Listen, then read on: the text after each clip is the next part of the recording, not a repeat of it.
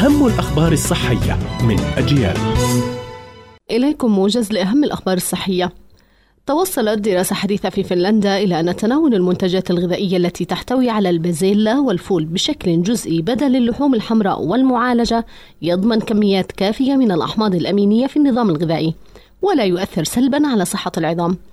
وبحسب الدراسة فإن تقليل استهلاك اللحوم الحمراء في النظام الغذائي مع زيادة استهلاك البقوليات البازيلا والفاصوليا والفول الأخضر يعد أمرا آمنا فيما يخص امداد الجسم بالبروتين.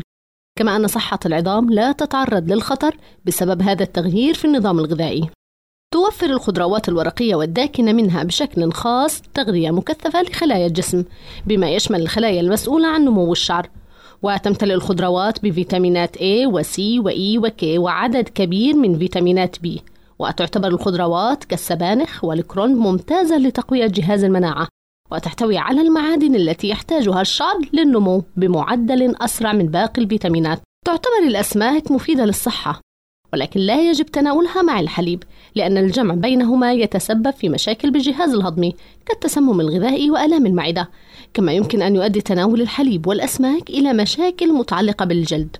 ويؤدي تناول الفواكه الحمضية والحليب معا إلى القيء أو آلام في المعدة. لذلك ينصح الخبراء بأن يكون هنالك فارق زمني بين تناول الحليب والحمضيات يقدر بساعتين على الأقل. كانت هذه أهم الأخبار الصحية. قرأتها روزانا طه. إلى اللقاء. thank you